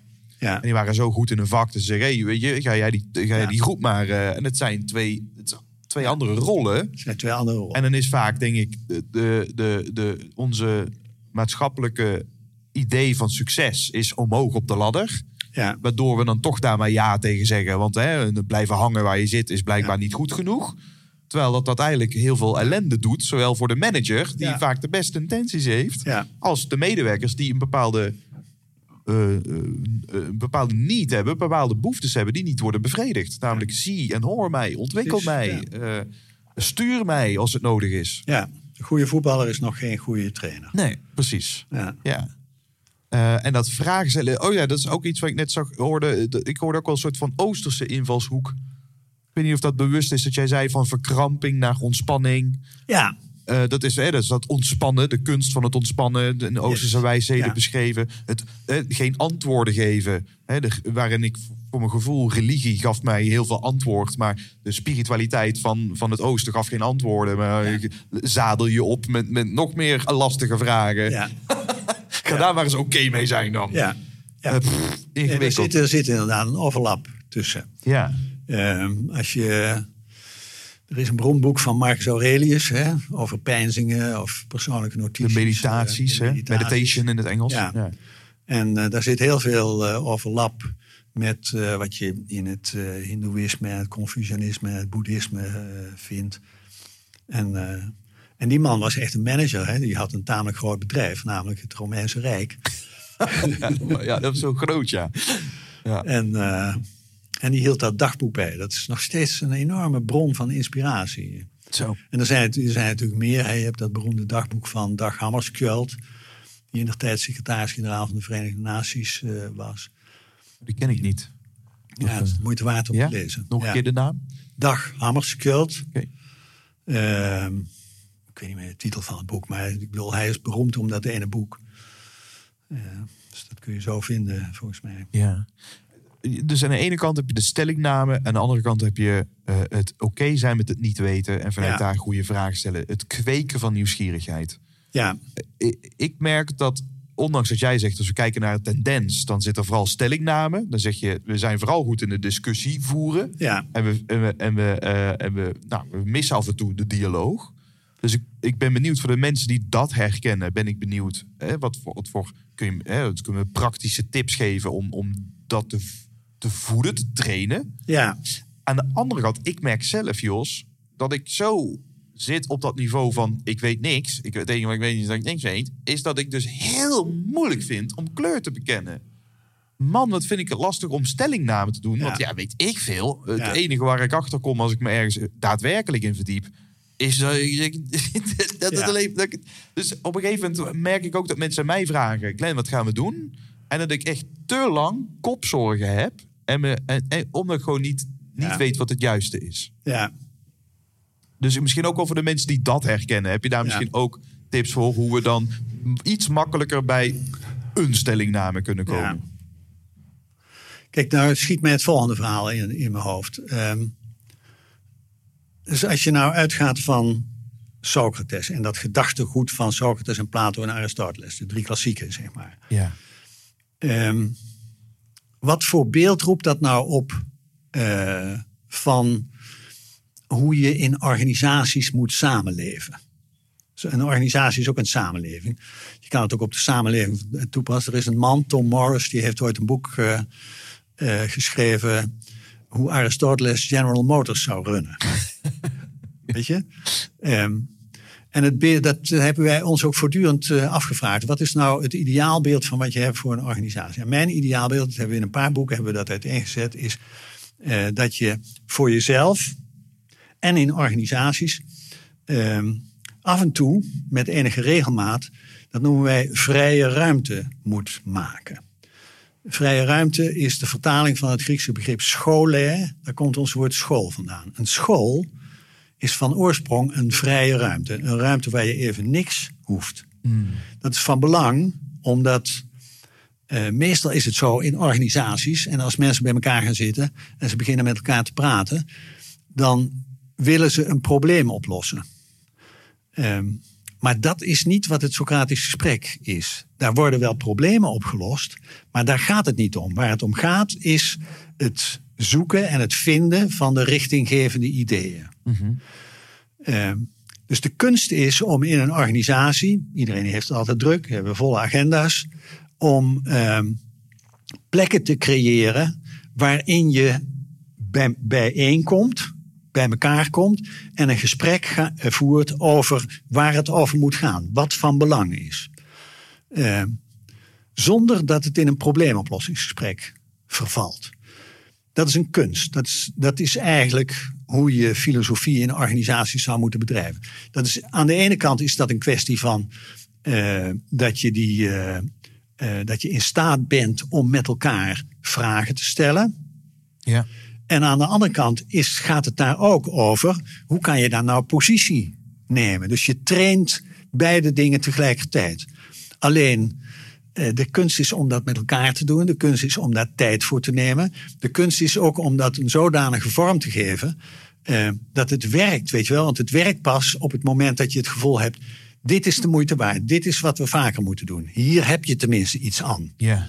Eh, je kan ook wel benen op tafel gesprekken doen, weet je wel. Maar die gaan dan vervolgens weer alle kanten op. En als je dat gesprek niet op een goede manier kunt leiden, eh, ja, dan vervliegt het. Ja. En dat is de grote moeilijkheid. Dus de, de, en dat is wat Socrates doet. Die zorgt ervoor dat er een gesprek op gang komt, wat elke keer eh, de diepte ingaat. Wat de moeite waard is. Waar zeg maar boven tafel komt wat jou inspireert. En wat je kunt vergelijken met wat de anderen inspireert. Ja. Dat is voedend, weet je, dat is vruchtbaar, dat is inspirerend. Eh, maar goed, daar moet je iemand hebben die jou een beetje betovert. Want je moet daar tijd voor vrijmaken in je agenda. Die moet je dan bewaken. Je moet niet voor om het minste of geringste moet je. Ik deed eh, Socratische gesprekken met, eh, jaren geleden met de top van de Nederlandse spoorwegen. Weet je. Eh, er is aan een serie gesprekken afgesproken. Ik geloof niet dat eh, de hele, eh, het hele Zwikkie één keer voltallig bij elkaar is geweest. Want die mensen waren zo belangrijk dat ze voortdurend weggeroepen werden. Ja. Ja, dan gaat het niet. Weet je? Dan kun je dat gesprek niet voeren. Dus als je die. Toen heb jij ook halt gezegd van joh... eh, Nou ja, we hebben een paar gesprekken en toen hebben we het stopgezet. Precies. Ja. Attentie, attentie, eh, meneer. Maar eh, zo komt de trein naar goede ideeën niet Ja. aan. Ja. Ja. het is zonde, weet je. Ja. Dus Want het is ook, dat is ook wel zo, hebben we ook wel in vrije ruimte beschreven. Als je dat doet, weet je, dan ga je iets aan. Dan leer je een taal. Eh, je leert bepaalde manieren van doen, van gespreksvoeren met elkaar. Je leert een aantal cruciale begrippen. eh, die van belang zijn voor jezelf en voor je omgeving, voor je werk en voor de manier waarop je probeert het goede leven te bereiken. Ja. ja dat is iets wat je moet trainen. Ja. Dus het is een ambacht. Het is een, werk, is een ambacht. Het is een werkwoord. Yes, het is een werkwoord. En dat hoor ik ook vaker als we het hebben over gesprekstechnieken. eh, dan is een van de meeste gekregen opmerkingen als trainer. Zeg, ja, maar als ik dit doe, dat voelt zo mechanisch. Dat past niet bij mij. Ja, ja, ja. ja. Wat denk je dan? Ik denk, eh, ik zou je een verhaal vertellen. Eh, Neem ons mee, Jos. Ik, eh, in het begin, toen ik bezig was om mijn winkeltje op te zetten, dacht ik, ik moet een voet tussen de deur krijgen bij CEO's of mensen hoog in het bedrijfsleven. Nou, toen had iemand, kreeg ik een uitnodiging om mee te gaan hardlopen met zo'n clubje.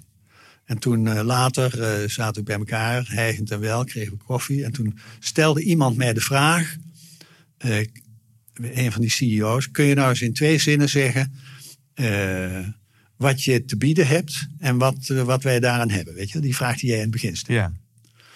En ik kon dat niet. Ik kon dat niet. Eh, ik kon wel een lang verhaal vertellen, maar ik kon het niet kort zeggen. En daar heb ik jarenlang over nagedacht en inmiddels weet ik dat. En Weet, je- weet je, dat is zo'n eh, esprit d'escalier, weet je, dat, dat, eh, dat bedenk je pas later. Ik dacht wat ik had moeten zeggen is, eh, weet je wat het is? Eh, jullie denken dat je kunt praten, maar jullie kunnen eigenlijk helemaal niet praten. Want, eh, en, en om te praten over, in ieder geval kan je niet praten over visie- en ideeontwikkeling. Eh, en als je dat wil leren, dan heb je iemand als mij nodig. dat is arrogant, weet je. Ja, ja, Dat precies. is arrogant. Maar feitelijk is dat zo. Ja. Want de meeste mensen op dat niveau die zijn niet in staat om. Ik heb het in die bank heb ik meegemaakt dat er zes mensen rond de tafel zaten die allemaal zes het woord hadden tegelijkertijd. En dan ervan uitgingen dat de ander maar moest luisteren. Weet ja. je? Iedereen Nee, heeft langs elkaar een monoloog. Precies, ja. En we denken dat we heel goed Ja. zijn gehoord. Ja. Dat gaat niet. Maar ik vind dat, ik vind, ja, en dan komen we toch op de waarom-vraag, Jos. Ik vind het zo fascinerend. eh, eh, Want, ik bedoel, HR is, is niet, zijn geen domme mensen. Dus er Nee. wordt dan hoog in de boom wordt gekeken, hey, hoe bouwen we een organisatie? Ja. Eh, ik hoef, ik hoef eh, de eh, leiderschapskwaliteiten te googlen. En ik krijg Harvard Business Review onderzoeken. waarin zeggen dat luisteren de meest genoemde vaardigheid is. die Ja. medewerkers missen in een leider. Het is geen geheim. Dat, dat, eh, dat boek van, eh, van Covey kwam in 1989 uit. Dat was het jaar dat de Berlijnse muur viel. Ik ben in, daarna opgegroeid. Nou, weet je wel, ik heb vrede gekend in, eh, in ieder geval in mijn bubbeltje. En, en nu ineens, hè, door, door, de, door de spanning in Oekraïne, voel ik pas eigenlijk wat tijdens de Koude Oorlog misschien ook voelbaar was. Ik heb dat nooit gekend. Zo jong ben ik. Dus met andere woorden, de, de wereld is veranderd en, en, en beweegt weer terug, zoals dat in golven gaat. Ja. Maar ik denk van ja, hoe komt het toch dat dat, dat niet aan het verstand te krijgen is. En tegelijkertijd als ik op school ga, dan word, word ik volgepropt met exacte kennis. Wellicht de wetenschap. Maar vakmanschap en meesterschap komt gewoon niet aan de orde. Ja. Begrijp het niet. Ja. Je voelt hier mijn positieve agressie, eh, Jos. Ja. ja. Hoe komt dat? Nou, voor een deel kan ik toch wel begrijpen. Bijvoorbeeld in de rechterlijke macht. Hè. Je moet, dus mensen gaan de rechterlijke macht in en dan moeten ze een zogenaamde RAIO-opleiding doen, hè, rechterlijke ambtenarenopleiding. Dat duurt geloof ik acht jaar of weet ik hoe lang dat duurt. Dat is nog een enorme studie na de wetenschap. Dus de wet- wetenschappelijke studie is vier jaar, daar is het al enorm gecomprimeerd. Ook als je, als je advocaat wilt worden of je wilt eh, eh, praktijkpsycholoog worden of je wilt econoom in een bedrijf worden. Je hebt gewoon jaren studie nodig in de praktijk. Eh, dus ik kan me ook wel voorstellen dat, dat je een soort splitsing maakt. Eerst moet je een aantal jaren wetenschappelijke opleiding doen. En dan eh, moet je praktijkopleidingen doen. Er zijn ook heel veel praktijkopleidingen.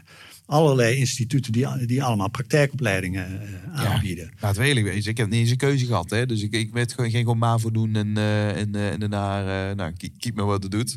Maar ik kon niet stilzitten niet, en niet in een boek lezen niet. Ja. Dus ja. Ja. Dus daar was veel met mij vroeger geen land te bezeilen, kan ik je vertellen. Ja, Ja. dus, dat, dus dan... Dus je, je hebt ook heel verschillende leerroutes. Zo, Mensen komen via de, school, mensen komen buiten school om. Dat kan ook. ja. Maar op enig moment moet je eh, een soort professionele kennis verzamelen. Ja. Die te maken heeft met vakmanschap en met meesterschap. Niet meer met wetenschappelijke kennis. En ehm, ja, waarom doen mensen dat niet? Ik eh, kom ze allemaal tegen. Weet je, de, de meest simpele, de basistechniek van het voeren van gesprekken is LSD. Dat weet je misschien, hè? luisteren, samenvatten, doorvragen. Ja.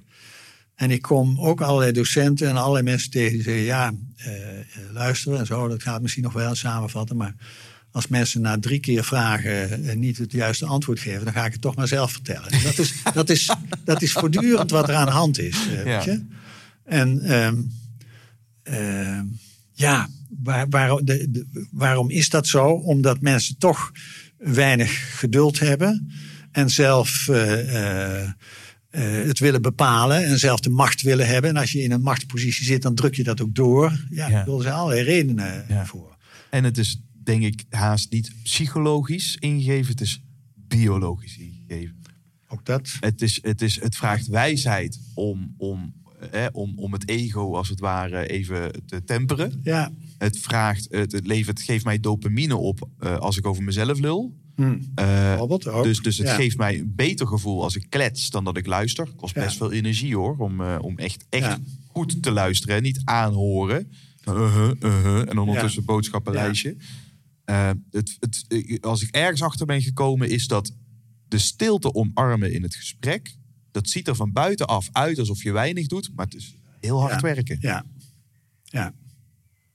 Maar ik kun het mensen zo... Kijk, tot het moment dat je in de gaten krijgt, in ieder geval dat geldt voor mij, dat ehm, als je in de rol van Socrates kunt gaan zitten en er komt iets op gang waarbij mensen zichzelf gaan onderzoeken op een oprechte manier, Ja. Dan kom je in een heel ander domein van gesprek terecht, wat vele malen bevredigend is. Ik ben het nu weer aan het leren aan de studenten op de Hogeschool voor Toegepaste Filosofie. Die zijn allemaal net eh, nu eh, een aantal weken begonnen om die gesprekken te voeren. En ik krijg het nu al terug, weet je, dat er gesprekken tot stand komen die ze normaal gesproken nooit hebben. En als je dat punt bereikt, dan denk je van, ja, kijk, nu ben ik op de goede weg. Nu gaat het ergens naartoe. ja. En daar is enorme behoefte aan, Ja. vind ik. En, en, het, en ik- vooral in, in wat jij net al zei, om, om vakmanschap te hebben in een vak, moet je al heel lang studeren. Dus dan heb je al vier jaar een reguliere studie en daarna pas begint het. En dan heb je nog zes tot acht jaar in, in hè, echt vakken als, eh, ja, wat je noemde net, het recht of de psychologie of de medicijnen, maar ook in de techniek. Het is een soort levenslange reis. Ja. Maar wij, als, en ik wijs nu naar mijn eigen borst, eh, de, de hashtag millennials met de dertigers dilemma. Misschien wel eens van gehoord. Wij, wij zijn opgegroeid in een wereld waarin ineens alles mogelijk was. Of is. Wij kunnen alles worden wat we willen, zolang we er maar hard voor werken.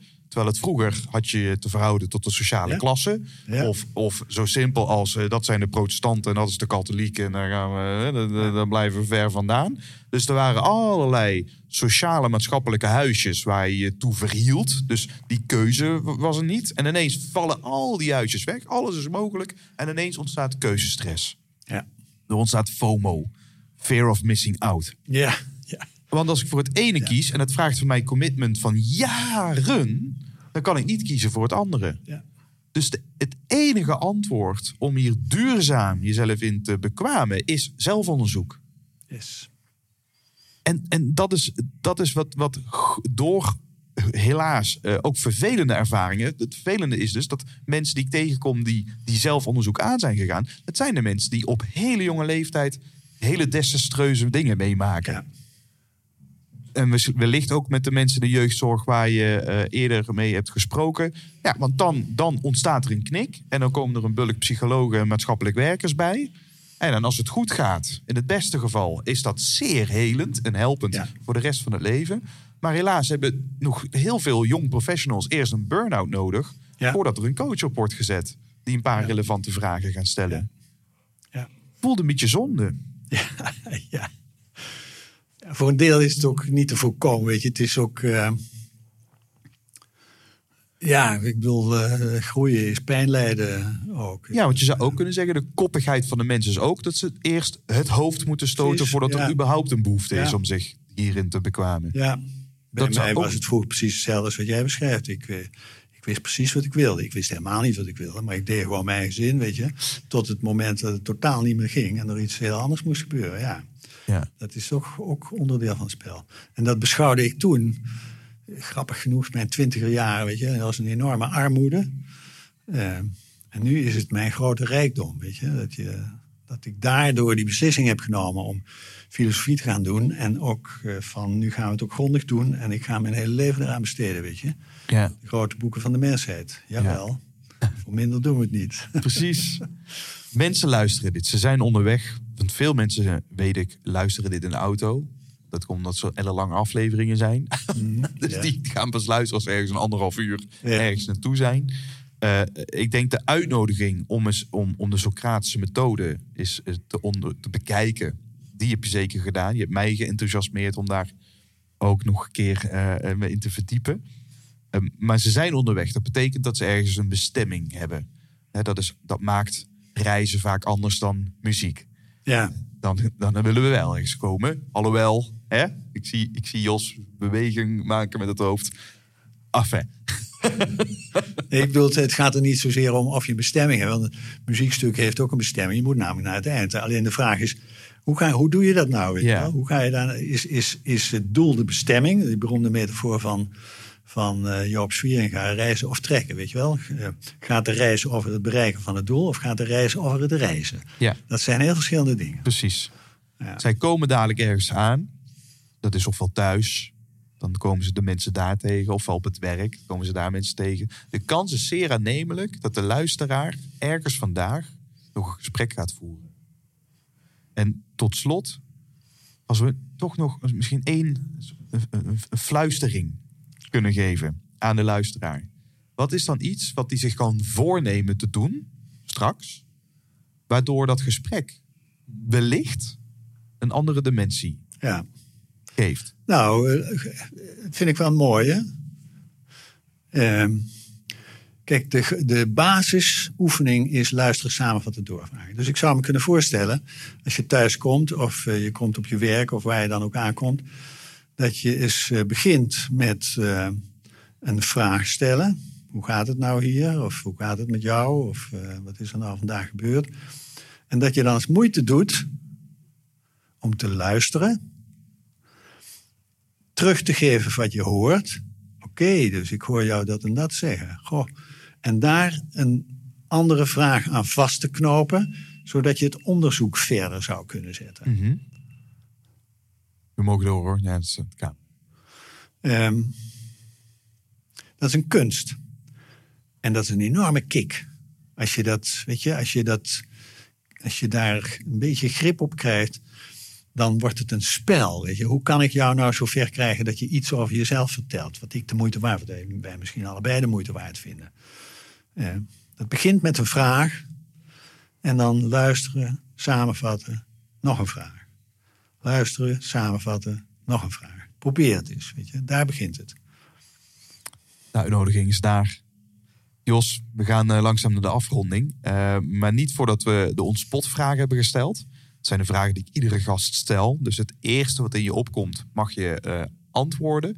Maar als mensen meer over jou of je instituut willen weten. Ik weet, je bent zelf nog wel aan het werk, maar ook een beetje eigenlijk officieel gepensioneerd. Maar je hebt nog collega's die iedere dag nog het mooie werk voortzetten. Eh, via welke route komen ze daar meer over te weten? Nou, kijk op de website Eiderscoop. Www.eiderscoop.nl Precies, daar heb je een eh, ingang. Ik bedoel, je, en iedereen die kan contact zoeken en dan kan je overal naartoe verwijzen. Mooi. Nou, ik zal het in de show notes zetten. Als mensen nieuwsgierig zijn, dan kunnen ze daarop klikken en dan komen ze bij je website uit. Jos, de ontspotvragen. Het eerste wat in je opkomt is goed. Je mag kort en krachtig antwoorden. Ready? Yes. Wat is een boek wat je zelf enorm heeft geïnspireerd? Of wat je misschien cadeau hebt gegeven aan anderen? Eh, de onzichtbare steden van Calvino. Hmm. Moeilijk boek. Zou je het de luisteraar ook aanraden? Of zou je dan een ander boek eh, aanraden? Ehm, kijk, in de categorie filosofie zou ik eh, het eerste stukje van de apologie aanraden. Kijk nou eens naar dat boek van Plato. En dan, je moet niet het hele boek lezen, maar je moet, het is maar, overigens maar een klein stukje. Kijken wat die Socrates daar zegt. De dialogen van de apologie. Precies. Oké. Ja. En volgens mij, als je het googelt, maar dat weet ik niet zeker hoor, maar ik kan me zomaar voorstellen, zijn sommige werken, bijvoorbeeld de meditaties van Marcus Aurelius, die zijn vertaald en die kun je gewoon gratis downloaden. Oké. Dat is ook nog eens. precies. sta- staat Ja, gewoon, eh, dat is interessant. Even googelen. Marcus Aurelius is ook interessant. Mooi. Eerste boek van eh, Marcus Aurelius. Wat heb je nou van wie geleerd, weet je wel? Om je- voor jezelf om na te gaan. Dat is ontzettend interessant om te doen. Staat genoteerd. Wat is een mythe over filosofie waar we echt vanaf moeten? waar we vanaf moeten. Ja. Ja, dat filosofie eh, een eh, vak is van eh, eh, oude heren die volstrekt ondoorgrondelijke taal spreken, eh, die volstrekt eh, onleesbare boeken schrijven, die een, een enorme pretentie hebben om alles te weten eh, van de werkelijkheid. Weet je, dat beeld, daar moeten we vanaf. Dat is niet waar. Het is niet waar. Dat is niet waar. Het is niet waar. Ja. Je mag een uithangbord plaatsen waar miljoenen mensen langskomen. Wat zou jij op dat uithangbord plaatsen? Ehm, ik zou erop, ik zie hier nu eh, de titel Maak muziek. Maak muziek. Dat zou erop staan. Maak Ja. muziek. Een eh, mooi akkoord. Geef mij een mooi akkoord. Je mag een. ehm, oh nee, de angstvraag. Stel je voor, angst speelt geen rol meer in je leven. Wat voor keuze zou je dan maken? Dan zou ik geloof ik alsnog uit een vliegtuig springen om eh, aan een parachute te zweven. Nog nooit gedaan? Ik nog nooit. Nooit gedaan? Ik ook nog niet. Nee, staat wel op mijn bucketlist. Ja. ja, zou je nog wel ooit een keer willen? Uit het vliegtuig? Ja, het is de vraag of dat verstandig is met mijn leeftijd. Maar Ik weet het trouwens niet. Of, dat, of er ergens een soort leeftijdsgrens zit waarvan ze zeggen... Ja. nou, we raden het nee, af. je, je, moet toch, je moet toch ook nog een beetje op de grond kunnen neerkomen. Ja, maar dan heb je natuurlijk nu iemand achter je hangen. Hè? Want dan zit je op schootje bij Nee, iemand. nee, en- nee, oh, jij wil nee, het zelf? Ik wil het zelf. Oh, kijk. ja. En wie is voor jou persoonlijk een idool of inspiratiebron? Eh, ja, dat zijn er vele. En, en bedoel je dan reële mensen of eh, bedoel je iemand als Socrates? Socrates Wat, je wil. Ja, wat je wil. Socrates is natuurlijk wel logisch. Hè? Maar Ja, komt er nog iemand anders in je op. Eh, ja, eh, kijk, ik kom uit een familie van, eh, van zes kinderen. En wij zijn tamelijk hecht als familie. Dus die familie speelt voor mij een belangrijke rol. Dus eh, dat zijn ook Je broers of mijn zusters? broers en mijn zus. Weet je? Oké, ja. Je mag een muzieknummer in de over spreken gesproken jukebox stoppen. Ik vraag bijvoorbeeld sprekers vraag ik of ze een anthem hebben die ze graag luisteren voor of na het spreken. Lijkt zo te zijn. Maar ik kan me voorstellen dat jij ook misschien een ander... Nou, je bent hè, muziekliefhebber. Eh, dat is een, een hele moeilijke vraag als muziekliefhebber... om één nummer in de jukebox te stoppen. Ga je die ook werkelijk in de jukebox stoppen? Die komt op de Spotify playlist te staan. Ja. Eh, Peter Beets eh, met het Jazz Orchestra of de Concertgebouw. En het nummer heet Blues for the Date. Blues for the Date. Dat is, dat is geschreven door Peter Beets. Peter Beets is een geweldige pianist. Weet je, als ik even moet uitspatten, dan gaat dat nummer keihard aan. Wauw. Hij gaat in de, in de jukebox. Dankjewel voor, de, voor die toevoeging. De laatste vraag is de college tourvraag. En wat zou jij een beginnend spreker, communicator, als advies willen meegeven? Wat is een mooie eerste stap? LSD mag niet meer gezegd worden. Nee. Ehm,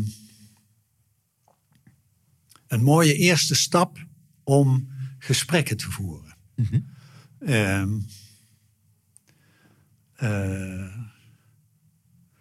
Een, een, ik, wat ik zelf een hele mooie eerste stap vind, is eh, eigenlijk eerst eens even zwijgen. En eh, een beetje rondkijken misschien. En een beetje de sfeer proeven. En, weet je, we zitten hier in een klooster. En eh, vroeger had je van die gesprekken in de kloostertuin. En weet je, over een klooster hangt ook een soort stilte. Ja. Ehm, dus er is ook een, eh, een, een uitspraak over muziek. Ik weet niet meer van wie die is. Maar muziek zit niet in de noten. ja. The beauty of the notes you don't play. Precies. Ja. Dus die zit Miles tussen Davis. de noten. Van Ja. wie is dat? Miles Davis. Oké. Volgens nou, mij. Ja, Ja, over een goede jazzmuzikant gesproken. ja, ja. The music, of the beauty of the music is in between the notes. Ja, Ja, precies. Ja. Ja, ja dus, dus, dus omarm die stilte. Is dat wat Ja. vertraag? ja. Kijk, de, de muziek die zit, ook, die zit niet zozeer in de noten, maar in wat die noten als geheel aan gebaar of aan beweging opbouwen. En dat is in een gesprek is dat ook zo. Eh, je bent natuurlijk voortdurend met de inhoud in de weer, maar eh, wat in een gesprek ook van groot belang is, dat heet de prosodie. Dat betekent letterlijk de, de, de klankenvelop van de inhoud. Mooi. En eh, die bepaalt voor een belangrijk gedeelte, de, denk ik, de kwaliteit van het gesprek. Ja. De toon, het is de toon die de muziek maakt. Precies. Een uitspraak die jij vaak doet. Ja, c'est le ton qui fait la muziek. Ja. Wat, wat voor toon had dit gesprek, Jos? Ja, aangenaam. Ja. Ja, weet je, improviserend, meanderend. Ja. We hadden eh, een paar punten. En eh, eh, af en toe dacht ik, ja, daar heb je een punt, weet je. Maar het ging gewoon zijn eigen weg. En Ja. heerlijk. Heel veel dank. Jij, we, we, we sluiten hiermee de filosofie special op af. Heel goed. Luisteraar, als je hier nog bent, heel erg veel dank voor het luisteren. De Over Spreken Gesproken podcast presenteert een filosofisch kwartet over de kunst van het goede leven. Via de retoriek naar de ethiek en weer terug. Hallo lieve luisteraar, je bent aan het einde gekomen van deze aflevering en ik wil jou heel erg bedanken voor het luisteren. Ook de gast van deze aflevering wil ik van harte bedanken voor alle waardevolle inzichten. En vond jij het nu ook een waardevolle aflevering? Laat me dat dan weten. Maak even een connectie aan via LinkedIn. En als je dat wilt, waardeer ik het enorm als je een review wilt achterlaten op je favoriete podcast-app. Dat helpt namelijk om de zichtbaarheid te vergroten, zodat we samen korte metten maken met plankenkoorts en leren spreken met meer impact. Wil je meer informatie over de podcast? Check dan mijn website www.glenvergozen.nl. En wil je zelf ook praten met resultaten? Dat kan. Ga dan naar www.desprekersregisseur.nl en meld je aan voor de gratis Online Sprekers Academy. Dit is een gratis online training met de negen beste lessen van twee jaar over spreken gesproken podcast. De missie van de Over Spreken Gesproken podcast is om jou te helpen je stem te vinden, zodat jij anderen kunt inspireren datzelfde te doen. Ik wil je heel erg bedanken voor het luisteren en graag tot de volgende aflevering.